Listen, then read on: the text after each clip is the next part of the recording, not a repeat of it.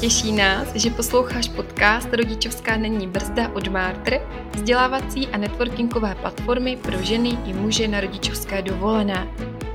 Podcastem tě vždy jednou měsíčně provedu buď já, Katka, nebo já, Klára. Zdravím tě. Jednoduše jedna z duo týmu K plus K. A na co se v podcastu můžeš těšit? Uslyšíš rozhovory o tom, jak se dá zvládnout rodina a kariéra, jak začít podnikat, či se znovu vrátit do práce a plnit si své sny. Věnovat se budeme také osobnímu a kariérnímu růstu. A v neposlední řadě ti ukážeme, jak se z toho všeho nezbláznit. Zkrátka, rodičovská není brzda a naši hosté ví, jak na to. Teď si tedy prosím najdi chvíli klidu, uvař si čaj nebo dobrou kávu a já tě vítám u našeho dnešního rozhovoru.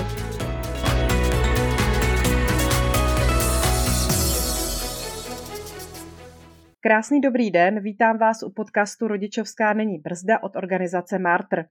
Od mikrofonu vás zdraví Klára. Mým dnešním hostem je Veronika Johánková.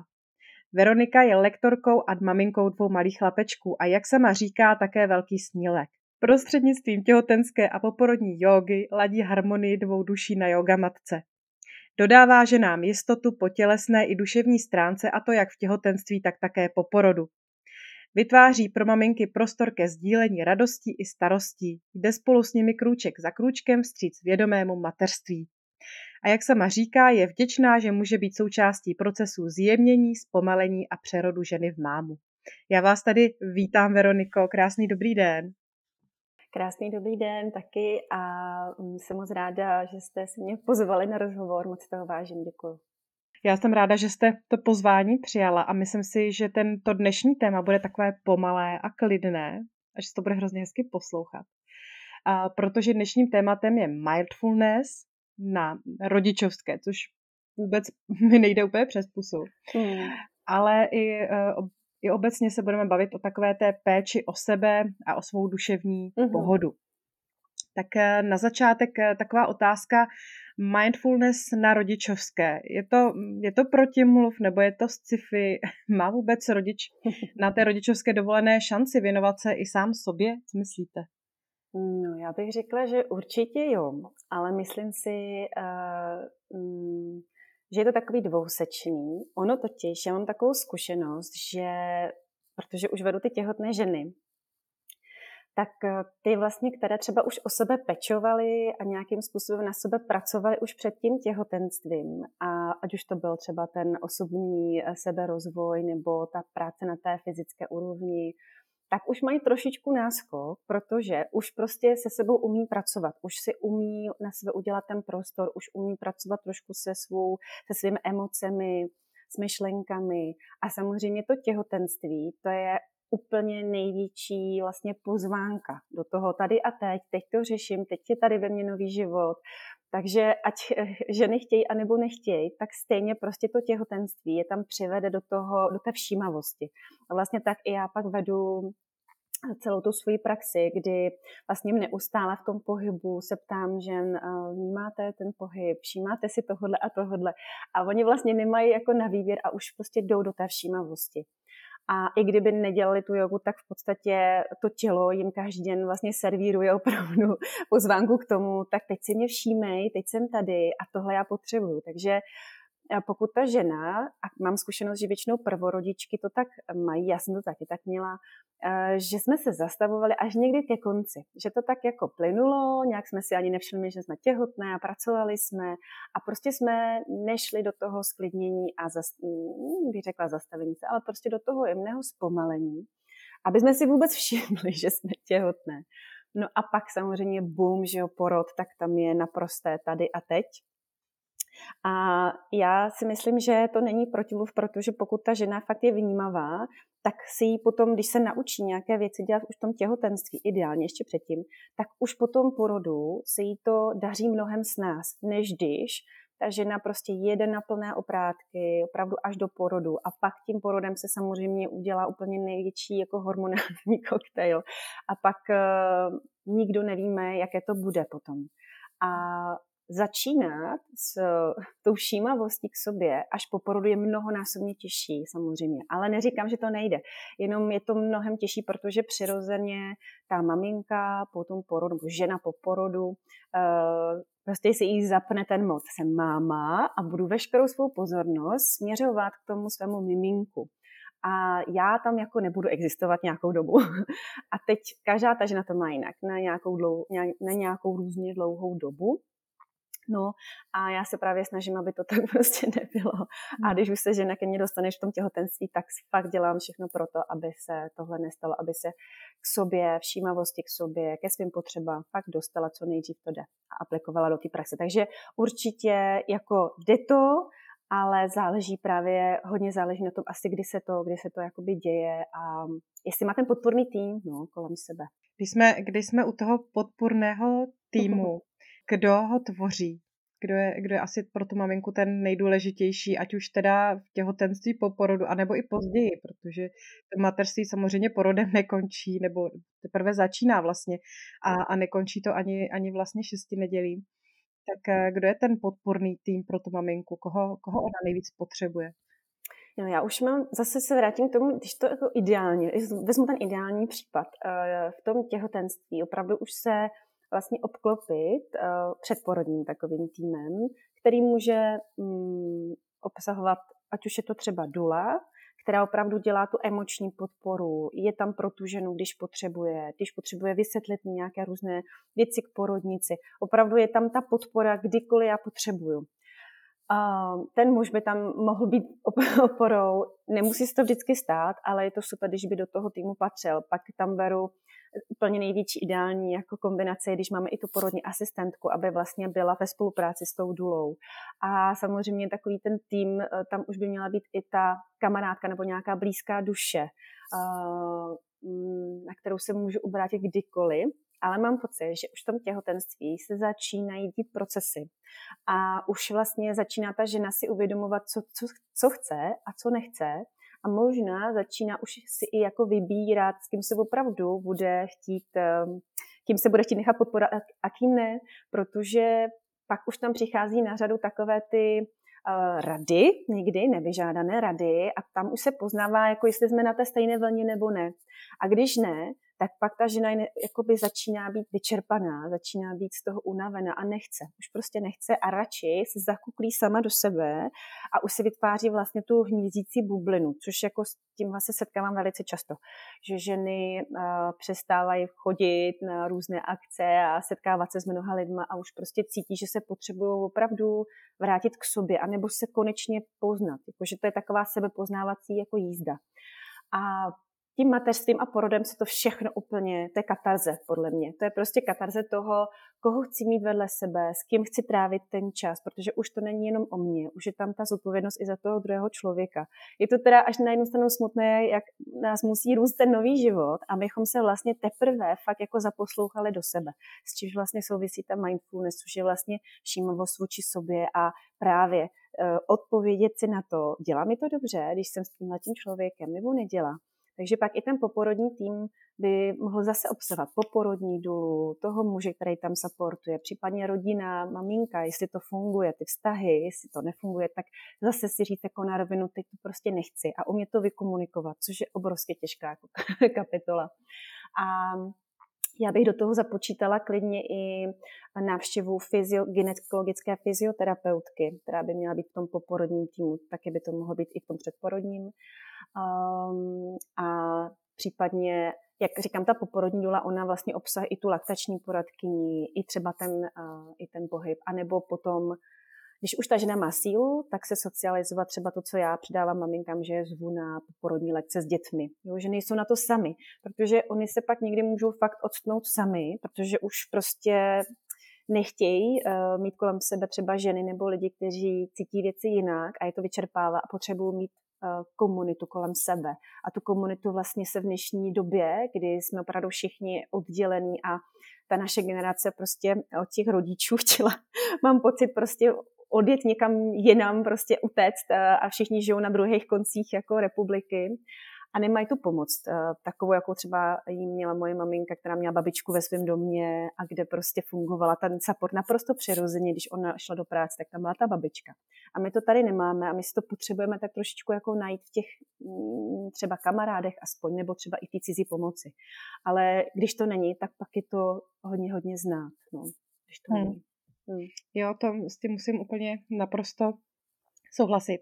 A když eh, se na to eh, zaměříme trošku víc, eh, dostaneme se do té role, kdy ta žena se teda stává matkou a ono, mm, aby jsme byli upřímné nebo aby jsme byli víc otevřené, tak možná i ten muž se stává tím otcem.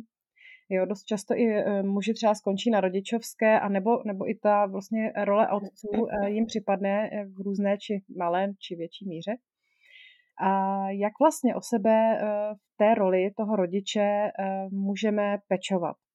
Jo, ať už, ať už je to v kterékoliv fázi, protože to rodičovství, přiznejme si, to je velmi náročné. I vůbec ta rodičovská dovolená, a startuje to teda potom porodu, ale potom, když se ta maminka tak nějak, nebo i ten tatínek vlastně s tou rolí novou zžije, tak to pak pokračuje, ale eh, objevují se různé výzvy samozřejmě. Jak vlastně v té době o sebe ideálně pečovat, aby jsme to zvládli, aby jsme nebyli moc frustrovaní a, a aby jsme tím proplovali pokud možno co nejlépe. Mm-hmm. Jo, tak to už se určitě vrátím i k tomu, co už jsem vlastně říkala, že mm, je důležité fakt už začít předtím, než se to miminko narodí. Protože když si začnu teprve hledat uh, to, co mě zdrojuje, já vlastně si myslím, že to jsou ty zdroje, nebo jsou to vlastně ty činnosti, uh, které vlastně vím, že mě dosycují, které vím, že mi dělají dobře, tak uh, přicházet na to až po porodu toho miminka je si myslím pozdě. Takže ideální, když už ten pár samozřejmě, než vůbec jako spodí miminko, tak aby už každý měl to svoje, aby opravdu věděli, co je uklidňuje, co je uvolňuje, kde můžou vypustit tu páru. Jo? A kor třeba u těch uh, otců to tam, jako mám zkušenost, že opravdu jim se taky vyplavují ty hormony a všichni jsme na té vlně. A všichni jsou ne, nevyspaný a vyčerpaný. Takže fakt si už najet na ten režim. A já vlastně to tak dělám uh, v té praxi, že se snažím fakt ty maminky a ženy těhotné vést k těm rituálům v té každodennosti. Opravdu si um, vyloženě nacházet takové spíš ty miničnosti, protože potom porodu na, to, na, ten, na ty větší věci, na takové ty, já nevím, že odejdu na hodinu, na dvě hodiny někam, na to prostě zrovna není ten prostor úplně, uh, minimálně v tom raném mateřství tak já se snažím vlastně vést ty ženy k tomu, aby poznali, kde jakoby se cítí přirozeně dobře, jako kde mají tu energii. Třeba jsou takový spíš raní jako ptáčata, nebo jsou spíš jako nočnější jako tvorové. Tak dobře, tak já si prostě vyberu tam, kde vím, že to je to moje a tam si naskládám pár věcí, které mě dosytějí. Jo, buď je to teda večer nebo ráno, ale nesnažím si jít přes sebe a zase aplikovat nějaké typy, když vím, že mi to prostě nebude fungovat, protože jsem člověk, který to takhle jako nemá. Takže tam opravdu jde o plný vědomí věci, jednoduché věci, jednoduché. Takže vstanu, už to, jak třeba se svým tělem uh, zacházím, jak se pohybuju, už může být pro maminky, krok k tomu vlastně a teď cvičím. Teď vlastně pro sebe dělám to, že vstanu přes bok, že jdu prostě vědomou chůzí, že našlapuju konkrétním způsobem tak, aby vnímala vlastně celou polsku chodidel. Že si můžu prostě opláchnout v obličeji, ale udělám to dobře, aby mě nebolely záda jo, že vím, jak to mám prostě udělat, že mm, si třeba očistím jazyk, že to je taková moje očista po té noci. Jo? Jako je tam spousta takových jako možností, kdy ta maminka samozřejmě dřív nebo později, podle toho, jak to miminko uh, ji potřebuje, se k tomu dostane. Já jsem se mu taky nedostala ke všemu hned, ale uh, pomaličku jsem tak jako vkrádala tyhle ty mini, a tomu říkám rituály, a je to v podstatě jako návyk, je to uh, prostě něco, co dělám opakovaně, pravidelně, stejně jako dětičky mají rády to, že je večer uh, koupeme a masírujeme a mažeme olejčkem, tak stejně tak my vlastně si můžeme vytvořit naprosto stejnou věc, ale dělat ji. Protože my třeba někdy ani nevíme, co nám vlastně dělá dobře, jako nevíme vůbec, uh, co mě uvolňuje, což už zase vedu k tomu těhotenství, že ženy právě, když poznají, že ten můj zdroj je hudba. Ten můj zdroj je prostě přečíst si odstavec v knížce, eh, nebo prostě mm, můj zdroj je si udělat dobré, dobrou, dobrý masala, masala čaj nebo kakao, no tak tohle přece stačí. A my máme možná ještě takovou nevýhodu, ta naše generace, jak je všeho moc a všeho dostatek a můžeme to mít všechno hned, tak my chceme i tyhle ty věci, jako máme pocit, že to musí být něco velkého a že toho musí být hodně, abych teda měla ten pocit, že jsem fakt jako teda už dozdrojovaná. Jenomže na začátku po tom porodu se spíš jedná o tyhle ty mini věci, to, že se napiju teplého, uh, teplé vody s citronem, to, že to tělo fakt hydratuju po té noci, když prostě kojím celou noc. A tohle jsou ty pečující věci. Samozřejmě potom tam můžu přidat uh, to, že si dám masku na obliči a tak, a jako jasně. Ale jako z toho, z toho pohledu té mámy, která je po porodu, jsou tyhle ty věci úplně jako naprosto základní, jednoduchý a ten tatínek vlastně, já třeba pak ty páry vedu k tomu, aby si, protože oni se můžou od sebe fakt jako na nějakou dobu i oddálit, tak eh, já je třeba už v tom těhotenství učím, jak si třeba provádět zájemně masáž obličeje, nebo třeba i masáž chodidel. A to je třeba taková jako tak jednoduché tahy, jednoduché prostě mechanismy, pohyby, prsty, které ale ty dva spojí zase třeba večer, když už jako ty děti usnou, aspoň na chviličku a není síla vůbec na nic a je tam jenom ta potřeba být spolu a v té tichosti a dát si ale ten, mm, dát si prostor pro sebe, ale mm, s tím, že pak jenom ležíme a uvolňujeme se, tak tohle je jedna zkratka a taky ty chodidla.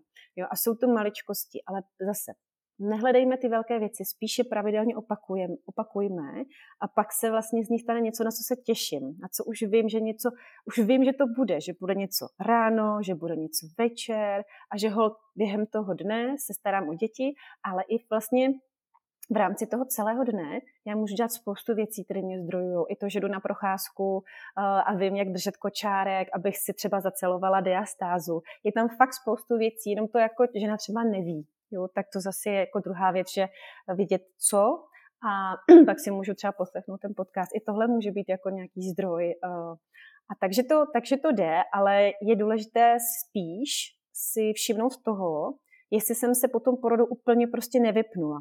A možná si toho nevšimnu já, možná si toho spíš všimne to okolí, které vlastně eh, jo, chápe, že maminka prostě se zaměřuje na to miminko, opravdu věnuje veškerou pozornost a péči, ale um, pak ta žena vlastně si nevšimne ani toho, že opravdu, um, kde jsem já, kde jsem já, prostě tam je mi velice důležité, aby to třeba i někdo přišel trošičku jako říct a pozvat do toho a řekl, hele, děláš to dobře, ale pojď prostě taky něco dělat pro sebe, protože postupem času, ono to není hned, ale pak tam vlastně různým způsobem prostě nabývá taková frustrace. A pak ta frustrace se projeví vždycky potom do toho chování ty maminky versus dítě. To tam prostě je takový, a je to škoda. Jo, jo, jo, souhlasím. Souhlasím přesně i s těma malýma eh, rituálama. To je prostě, i, i vlastně to bylo pro mě takový aha moment vlastně po narození. Po narození eh, vlastně teď až třetí dcery jsem si to tak jakoby nejvíc jako prožila celý to těhotenství i, i vlastně tu poporodní dobu, kdy jsem si právě dávala tyhle ty malé chvilky pro sebe, posloch, poslechnout si hudbu, dělat prostě takové malé techniky, přesně jako mindfulness techniky, tak, eh, tak mi to musím říct hodně, hodně pomohlo. Když se zastavíme ještě u toho mindfulness jako takového, co to vlastně je mindfulness? Možná některá z posluchaček eh, našich to nezná nebo o tom ještě neslyšela. Co si pod tím představit? Mm-hmm. Tak vlastně v překladu to je taková jako všímavost a je to v podstatě stará buddhistická praktika, je to ale jenom jednoduše to, že si všímám toho vlastně, co prožívám, jak mi je, co cítím, co se děje vlastně ve mně, co se děje kolem mě a opravdu je to něco, co eh, je to prostě v podstatě i ta yoga, je to všechno. Je to hodně takový komplexní balíček věcí, kterým vlastně já eh, se snažím dostávat se do tady a teď a prožívám si právě ty momentální pocity a uvědomuju si je. Takže to je právě to, co nás mm, možná odvádí od toho bytí tady a teď, to, že vlastně pořád jsem v té budoucnosti anebo v té minulosti a i když ty praktiky jsou vlastně docela jednoduché, tak přesto je to strašně těžké na to provedení, pravdu, si to uvědomit, protože ta mysl neustále cestuje někam dopředu nebo dozadu. A um, i když máme ty děti, tak ty nás vlastně nejvíce stahují do toho tady a teď. Jo? Ty nás vlastně dávají do toho mindfulness. Oni jsou vlastně mindfulness, naprosto. A nevím, kdy se to tak trošku začne jako kultivovat. Mně přijde, že se to začíná kultivovat možná až se školou, nebo kdy ty děti už začínají být zase, no, už jsou v tom systému. A jakmile nejsou v systému, tak mně přijde, že jsou naprosto jako čistý a dávají ty emoce na venek a říkají, co potřebují. Oni to umí úplně nádherně. No a když my to od nich slyšíme, tak my vlastně tak trošičku eh, nás to možná i zraňuje, protože oni vlastně dělají něco, co možná my jako děti jsme dělat úplně třeba nemohli, nebo jsme potom za to byli třeba nějakým způsobem jako usměrňovaný. A je to možná i to zraněné vnitřní dítě naše, které vlastně na to reaguje pak v těch emocích, že když ty děti se projevují, jak potřebují, tak už tam vyskakuje prostě to naše zranění a my vlastně díky tomuhle si můžeme uvědomit, na, co, na čem vlastně můžeme pracovat. Takže mm, ta všímavost je opravdu to prožívání a napojování se na sebe hlavně. Hmm. Hmm. A mm, co dělat, když chci třeba s mindfulness eh, začít? Jak, jaká je nejlepší cesta, když eh, bych chtěla tohle začít praktikovat? Tak eh, co je asi tak nejjednodušší na začátek? Mm-hmm. Já si myslím, že úplně nejjednodušší je se spojit s dechem, protože to je něco, co máme furt při sobě, nemusíme proto nikam chodit, nemusíme to kupovat. Um, je to prostě naprosto přirozená součást a života a je to něco, co nedocenujeme vůbec. Takže první, co můžu udělat, je se několikrát denně třeba opravdu na chviličku zastavovat. A je to něco, co neumíme, co bohužel jakoby ten, to téma toho odpočinku je něco, co nám nebylo úplně předáváno, bych řekla, té naší generaci, že to je něco, co opravdu se musíme naučit. A stejně jako jiné věci se musíme naučit, třeba nový pohybový návyk nebo když měníme třeba stravu, tak to taky pořád musíme opakovat, opakovat, opakovat, aby to prostě mělo nějaký efekt. Takže když chceme něco změnit, eh, a to je velmi těžké změnit jako eh, vlastně ten vzorec chování, protože je jednodušší změnit to, že půjdu dělat nějaký cvik eh, několikrát denně, nebo že si dám místo, já nevím, čokolády třeba něco zdravějšího, ale změnit takovouhle věc, když už máme od malečka vyjeté ty dráhy v tom mozku a je to tam, prostě je to zaryté, tak tohle chce trošku větší důslednost opravdu v tom opakování. Takže já třeba i maminkám tisknu takové mindfulness kartičky, které si můžou, uh, no, oni si to tam můžou vytisknout a někam si to nalepí, protože ta žena v tom každodenním vlastně zhonu, v tom, co dělá během toho dne, tak ona si opravdu nikdy nevšimne vůbec, že já nevím, že se ani nevyčistila ty zuby. že fakt je pořád, co jsem ještě nestihla, co jsem ještě neudělala, co musím udělat a pořád je zase budoucnost, minulost, budoucnost, minulost. A to dítě ji stahuje do toho, teď tě máme potřebu, pojď teď tady být. A vlastně pojď si mě všímat, jo? To, je, to je ono. Ale uh, tou jakoby nejjednodušší cestou je opravdu si dát viditelně někam do celého prostoru, kde jsem nejčastěji, takže doma, eh, na lednici, na mm, zrcadlo, do, na skříň, eh, na záchod, kdekoliv. Nalepit si na začátek fakt tyhle ty kartičky nebo cokoliv na papírek si napíšu dech nebo jenom to zastavení se. A tímhle tím způsobem já vlastně můžu um, uh, tohle dělat několikrát denně, nebo někdo má třeba rád budík na telefonu, já to moc nemám ráda, když mi něco pípá. Takže nenásilnou cestou, opravdu nenutit se, zase to nemít moc dlouho, protože pokud už mě to jako opravuje tři měsíce, tak uh, už budu spíš naštvaná, budu to ignorovat.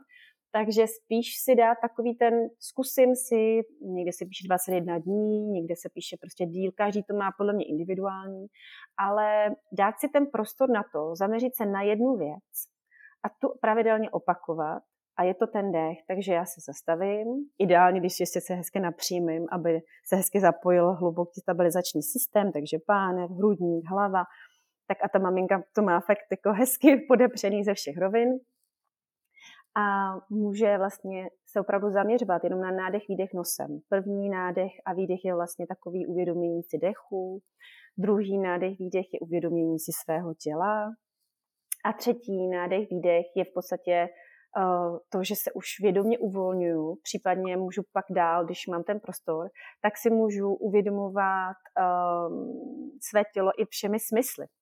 To je velká, jako, jako jednoduchá technika k tomu, jak se zpřítomnit a jak být v té lehkosti. Co cítím, co vidím, popisuju si. Co... A je to dobrý tak, když jsem v těch emocích třeba s dětmi, tak opravdu je fajn, aby jsem trošku uf, uvolnila tu páru tak se prostě zaměřit na nějakou věc, eh, na ty smysly. Třeba se zaměřím to, co vidím před sebou, jakou to má strukturu, jakou to má barvu. a opravdu převést tu pozornost, je to o ty pozornosti, opravdu ta pozornosti. Kam ji dám, tak tam jde ta energie. Takže když ji nedávám tomu uh, té situaci, která je emoční, tak a přidám ji někde, kde to prostě je klidný, tak já nacítím ten klid z té situace, takže popisuju si, vidím něco, cítím něco, cítím dotek se zemí, to je uzemňovadlo největší, to, že cítím dotek se zemí, nebo že jdu ke zdi a takhle se opřu tou rukou o zeď a já vnímám, že ona tam je. Ona tam prostě pro mě je, neuhne nikam a je tam pro mě. A je to vlastně to uzemnění, tak jo. A teď se zavřu oči, to já třeba potřebuji hodně, zavřít si oči a pravdu ten dech si naplno navnímám. Naplno si navnímám ten dech všemi těmi smysly a už je to vlastně ta moje praxe. A tahle ta praxe, ale když ji dělám jednou za týden, tak si myslím, že to nemá úplně takový efekt.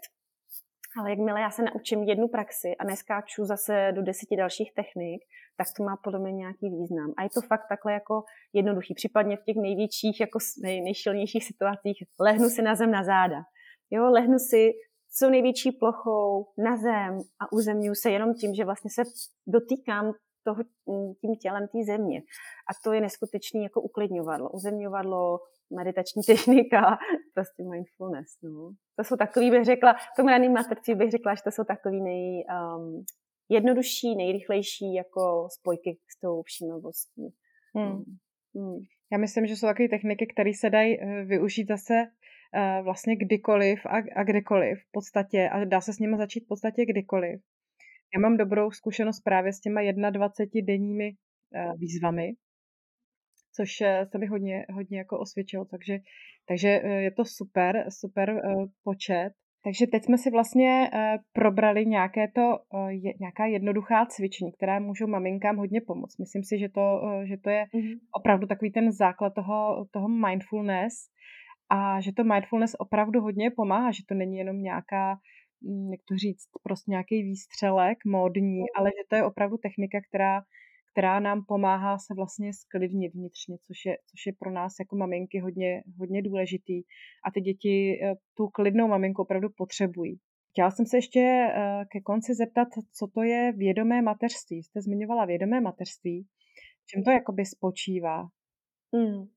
No je to vlastně tohle, co, co jsme všechno říkali. Je to o tom, že já vím, kdo jsem.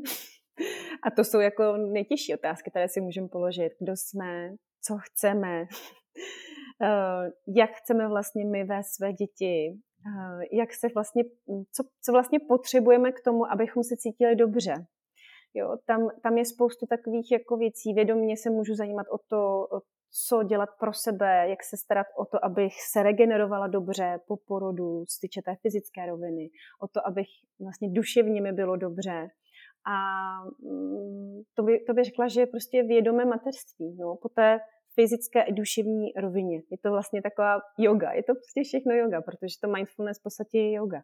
A mm, prostě žít vědomě nebo vůbec jako být v tom vědomém materství znamená jakoby neignorovat sama sebe, no, žít jakoby sebe. To si myslím, že je důležité. Jakoby nakonec se stejně všichni dostaneme k tomu, že uh, to ani jinak nejde, protože s těmi dětmi už jako nechceme být někdo, někdo jiný a pořád jako předstírat, že všechno zvládáme a že to, že to přece jako, co jsme zvládali před dětmi, tak to zvládáme stejně takhle. Protože tam se podle mě fakt odhalí i to, um, jestli máme právě nějaké to zranění z dětství a to podle mě zjistíme až když se staneme těma maminkama. A pak právě ladíme um, ať už svoje bolístky a pak samozřejmě nechceme předávat dál. Takže to je, jako tohle všechno je podle mě to vědomé mateřství. No. Že, že opravdu nejsme těmi uh, konzumními, pasivními um, příjemci informací, ale že si tak nějak aktivně mm, vyhledáváme ať už informace nebo přístupy, ale ne tak, aby jsme se z toho zbláznili. Protože teď už samozřejmě máme, možn- máme spoustu možností a myslím si, že naopak je hodně důležité si vybrat, a je to těžké zároveň, vybrat si nějaký jeden, jednu věc, jeden styl mm, člověka nebo metodu, která se fakt, na kterou se zaměřím a budu to dělat. Protože pak ta tendence je, a vyzkouším tohle a přečtu deset knih o vědomém rodičovství a, a budu nosit a budu tam to dělat a ta maminka se z toho fakt zblázní. A jako je to, je to zbytečný, protože ve výsledku vlastně všechny pak, co už máme starší děti, pochopíme, že fakt ty děti potřebují vůbec nic, kromě té jako klidný mámy.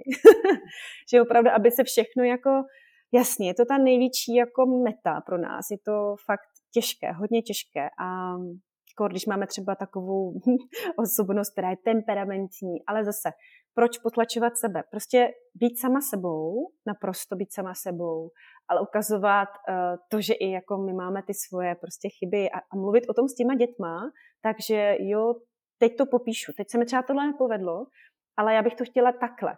A to třeba já jsem nikdy takhle jako neslyšela třeba od svých rodičů, protože je to taky nikdo neučil. A já si myslím, že ta naše generace už to může trošičku jako fakt změnit a už to prostě můžeme učit ty naše děti, když se to teda ještě bohužel třeba v té škole neučí, tak si myslím, že my už to můžeme učit a může nám v tom být jako mnohem, mnohem líp. I když prostě nebudeme mít super dobrou výživu pro děti ve všech směrech, nebudeme super matky, tak si myslím, že uh, ta všímavost vůči dětem, to být s nima v těch situacích, když jsou s náma, tak, no, tak to bych řekla, že je takový vědomý materství pro mě. No. Hmm, hmm. Za to, za to moc děkuju, to myslím si, že bylo krásně vysvětlený. Já se ještě eh, krátce zeptám, jak to máte eh, vy osobně, jak zvládáte vlastně vaše aktivity a, a děti, jak, se, jak jste se vůbec eh, vy tím prošla, mm-hmm. tím mateřstvím, mm-hmm. tím ranějším a pozdějším. No, to rané mateřství bylo pro mě náročné, protože jsem měla klubky dva roky od sebe a mm, myslím si, že ten nejnáročnější rok bylo, když se narodil ten druhý syn, tak eh, ten první ještě rok nemluvil. a všechno, a to člověk samozřejmě dopředu neví. A um, netušila jsem, uh, i když jsem viděla, že to nebude asi jednoduché, ale netušila jsem, co všechno může přijít. A fakt tím prvním rokem jsem, myslím si, že jsem si fakt prošla úzkostma, prošla jsem si tím, že nemám to komu říct. Že když to budu sdílet, tak jsem vlastně ta, co to nedává, ta, co prostě, eh, co, to, co jako řeším. A najednou se mi vyplavovaly ty věci opravdu to, jaká fakt jsem, že vlastně fakt nejsem pořád ta, co to všechno zvládá, že to fakt jako nejde. A tehdy ještě nebyly úplně takovéhle komunity, anebo to, co já jsem třeba vytvořila pro ženy v rámci těch mých kurzů, kde ty ženy právě můžou být sami sebou a můžou se otevřít a můžou naplno říct, jak se cítí, aniž by je nikdo nehodnotil. Tak já jsem se cítila jako hodnocená. To je právě další ještě aspekt toho vším, té všímavosti, že vlastně nesrovnáváte, nehodnotíte to, co se děje, to, že, to, že což je naprosto těžké, protože naše mysl pořád něco srovnává, neustále něco vyhodnocujeme. Je to přirozená věc a zase nemusíme se za to byčovat. Ale hm, tehdy to takhle nebylo a já jsem si to tak jako tutlala sama, až jsem postupem času sama. No, jako sama jsem si došla uh, k různým lidem, kteří mě tak jako ukázali, uh, jak z toho ven. Um, určitě mi hodně pomohl právě internet, jako online svět, který se v té době hodně jako už rozmáhal a našla jsem si vlastně ženy, které mi nějak jako ukázaly cestu a potom uh, jsem si vlastně i prošla vlastně tím mindfulnessem, mindfulness výcvikem a všechno mi to tak jako do sebe zapadalo. Takže uh, já jsem si tak jako proklestila cestu uh, tím, že asi i tím, že jsem se polečila možná i s těma svýma ženama. Že tam fakt jsem si našla tu komunitu, kde teda i mě dala a doufám, že já jim dávám tu možnost, aby byly sami sebou a aby prostě si vykašlali na to, že hold prostě, jo, já chci teď víc pracovat a jo, a já teď ale chci být víc doma. Jo, a mít to tak a, bylo to, a bude to dobře. Ne takový to, ale však teď to můžu udělat i takhle a pořád jako tam házet takové ty vidle, uh, že máme mít nějaké jiné, aby jsme to zvládli. Takže jo, jako bylo to náročné to dané mateřství, ale uh, já jsem takový kutač a vlastně když fakt cítím něco, že se mi děje, tak já mm, se na to zaměřím a pak jako kutám, dokud na to nepřijdu a prostě jdu a pak ty lidi přicházejí sami. Vlastně tak jsem to měla, když jsem se učila věci s pohybem, tak jsem měla bolení na zádech, bolesti a skoliózu a nakonec jsem si ty věci stejně vyřešila jakoby sama, protože jsem si prošla tolika metodami a kurzami, že jsem si tam polečila ty věci skrz uh, i psychosomatiku vlastně nějakým způsobem sama. A tímhle tím způsobem to šlo i v té uh, rovině jako psychický, no, že, uh, že vlastně vlivem toho, že jeden člověk přijde, tak natáhne toho druhého, tak uh, ti lidi prostě přijdou, když je člověk otevřený těm věcem, tak přijdou hmm. ti správní lidi, si myslím. Hmm. A měla jste někdy moment, kdy toho na vás bylo moc? No, to byl ten první rok. první rok teda u toho druhého, nebo takhle. I ten první rok toho prvního mateřství byl náročný v tom smyslu, že když má žena to štěstí, fakt jako, že miminko je naprosto zdravý, tak si myslím, že tam je ten prostor na to si tyhle věci třeba nějak otvírat a všímat si věcí. Jenomže pokud máte dítě, které se narodí s nějakým, nějakou indispozicí, nebo třeba my jsme řešili pro někoho to může banalita, ale je zužený slzný kanálek, který ale znamenal půlroční řešení, masírování a neustálého chození prostě na oční a e, čtyřikrát denně prostě masáž, kapičky a čím dítě je větší, tak tím víc bojuje, takže úplně, já jsem vždycky všude vozila na, do parku laboratoře a prostě jsem to očičko se snažila nějak řešit a bylo to náročné a vlastně jsem se v tom naprosto ztrácela. A uh, prvního půl roku jsem fakt řešila jakoby zdravotní stav svého syna. Takže já jsem vlastně ten prostor na sebe opravdu, já jsem si ani nespomněla na sebe. Já jsem pořád řešila, aby se to, pořád jsem chtěla, aby se to hlavně vyřešilo, aby to bylo v pořádku. No a takže i takový start to může mít, že ženy fakt nemají všechny stejnou výchozí pozici a někdy opravdu to může být těžší tak to byl první půl rok, pak už to bylo jako fajn, eh, nebylo, nebyl tam ten problém. No a pak, když se narodil ten druhý syn, tak opravdu uh, to bylo období, kdy prostě jeden plakal, druhý plakal, já jsem plakala, všichni jsme řevali a uh, trvalo to minimálně do doby, než ten první začal více mluvit a komunikovat, co potřebuje, co uh, se mu děje, jaký má potřeby. Tak to si myslím, že byly moje hmm. zatěžkávací zkoušky, který jsem tak jako opravdu Eh, díky těm jiným třeba terapeutům a což pak jako hodně, hodně doporučuji opravdu, že nám, já bych řekla, že každý člověk by potřeboval nějakého svého terapeuta, eh, ale nebát se toho a opravdu se na ty věci podívat, no, hmm. kde, to, kde to je, kde jsou ty moje trigger pointy nejenom na tom těle, ale i vlastně na té duši. Hmm. Já musím naprosto souhlasit, že já mám taky děti dva roky od sebe a narození toho druhého dítěte ještě v situaci, v jakou my jsme měli taky různě komplikovanou, tak to byla velká výzva. Jako fakt do toho roka a půl potom té druhé dcery, to bylo velmi, velmi náročný. Takže s tím naprosto souhlasím a, a děkuji i za to, za, za to svěření se nám tady do komunity. A úplně na závěr taková obligátní otázka, to se ptám vždycky všech eh, hostů našich. My máme takové to heslo, že rodičovská není brzda, když nechcete. Jak to, jak to vnímáte vy? Hmm. No, já jsem to měla mm, přesně takhle. já jsem právě, um, já jsem šla do toho prvního vlastně mateřství s tím, že jsem byla jakoby šťastná, že se mi uzavřela nějaká kapitola v životě. I když to bylo fajn, tak vlastně jsem si říkala, jako měla jsem ten pocit, jako kdybych udělala maturitu A byla jsem přijata na tu vysokou školu a měla jsem ten pocit jako těch prázdnin, že vlastně teď jako, a teď se fakt můžu opravdu zamyslet nad tím, co teda tady dělám na tom světě. a tady fakt přišel mm, ten mezičas, no. A nějaký, myslím si, že tak rok jako jsem tak jako plula na té vlně, že nemusím, a bylo to fajn, to, že nemusím nic, nikomu nic nemusím posílat, vysvětlovat, nic nikomu nedlužím, bylo to super. A vlastně po půl roce jsem začala pomaličku vést jako lekce těhotenské jogy. To byl super start, jakože si jednou týdně odjedu do studia a jsem tam s někým jiným, to bylo fajn. A pomalečku se to, pomalečku se to přidávalo, workshopy po porodu. No a vlastně uh, s klukama se mi naprosto jako ujasnilo to, co chci dělat. Takže naopak si myslím, že ty děti mají tu neskutečnou schopnost uh, nás tak trošku jako už uh, přitáhnout tý zdi a říct, hele, tak už si to pojď jako fakt rozmyslet. Protože teď a tady, prostě teď je ta příležitost uh, už to neodkládat uh, já právě pořád říkám maminkám, jako ať by, by neašpakovali a až pak něco, až děti usnou, až tady něco dodělám, jo, jo, jo, já to znám.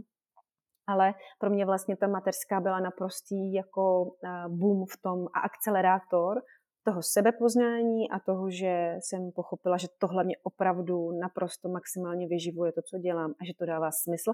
Já jsem vlastně zjistila, že já potřebuju fakt to mít ten smysl, protože tam jako je to pro mě naprosto bytostně jako na, důležité. No. Ta priorita mm, pomáhat jakoby uh, ostatním v tomhle, v téhle rovině.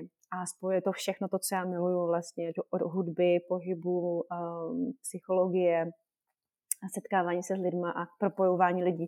Takže mě to dávalo úplně... Mm, mm, předtím by se mi to asi jako neodkrylo, ale fakt jako s těma klukama Naopak a jde to, protože v mém případě jsem to měla určitě, bych řekla, jednodušší, protože mám muže, který má flexibilní pracovní dobu. Myslím si, že kdyby ji neměl, kdyby měl klasický model, ráno odejdu, večer se vrátím, tak nemůžu nikam jezdit do, do studia, můžu mít třeba dobře víkendový workshop, ale nemůžu ani nahrát svoje lekce třeba do kurzu. Nemohla bych to dělat. Takže není to tak, že já se rozhodnu a všechno to jako jasně jde to, mohla bych to všechno dělat o víkendech, ale je to extrémně náročné. Takže zase nechci, aby si maminky myslely, že teď se jako rozhodnu a udělám si kariéru na mateřské, protože prostě to můžu, tak když můžu, tak to udělám. to jo, ale zase mít k tomu ty vhodné podmínky a nejít přes mrtvoli v tom smyslu, že prostě teď jsem se rozhodla a teď to udělám, i když nemám to hlídání, i když to tady, jo, to pak ta máma odnese. No, já jsem měla taky fázi, kdy jsem prostě Mm, byla tak nadšená, že jsem uh, natáčela opravdu v těch mezičasech a když kluci spali a bylo to náročné. Ale až tam jsem pochopila, jaké to je, když fakt člověk opravdu je hnaný tou vášní a tím, že to fakt chce dělat. Prostě udělá všechno pro to, aby si ten čas zajistil. prostě opravdu už jako je mu jedno, kdy to je, jestli to je víkend, večer, je to jako naprosto jsem pochopila, jaké to je, když člověk dělá to, co ho baví, protože neřeší vůbec jako um, tyhle ty věci a dělá to naprosto přirozeně, ale jak říkám, jako je důležité mít podporující okolí, protože jako ta máma sama to jako uh, to prostě takhle nevydře, to je prostě na sílu potom, zbytečně. Takže jo, přicházet si na to, co, co a klidně si počkat prostě na pomoc, až bude pomoc, tak se do toho pustí, protože pak to odnese prostě ona a pak to samozřejmě odnese i ty, i ty děti, no, když je to na sílu. Souhlasím úplně přesně a, a děkuju. Děkuji za tady, za tady ten závěrečný příspěvek do toho našeho dnešního podcastu, který byl takový zpomalující, sklidňující. Já věřím, že naše posluchačky úplně cítí tu pohodu z toho vašeho hlasu a z toho klidu. Takže uh, myslím si, že vy jste úplně taková chodící reklama na mindfulness. Jako, jo, tak ale když to tak určitě nebylo. no, no, no, no, no, ale no. že vlastně, že to mindfulness vlastně může tu eh, ženu proměnit a pomocí hlavně. Mm. Jo, nejde ani o to, jako t, jakoby přetvořit se v nějaký ideál, mm. ale pomoci si v tom, co potřebuju. To, to si myslím, že je to asi to nejdůležitější. Takže já vám moc děkuji, moc děkuji za tenhle ten rozhovor. Věřím, že posluchačkám určitě pomohl a třeba i inspiroval k tomu, aby se mindfulness začali víc věnovat nebo si o něm aspoň něco zjistili. No a přeju vám hlavně, ať se daří a ať máte hodně pozitivní energie a spokojené, eh, spokojené maminky okolo sebe. Děkuji moc za pozvání a přeju všem ženám, aby fakt eh, žili sami sebe, aby se do ničeho netlačili a aby si to mateřství opravdu užívali. Děkuji a, a přeju krásný den. A taky krásný den.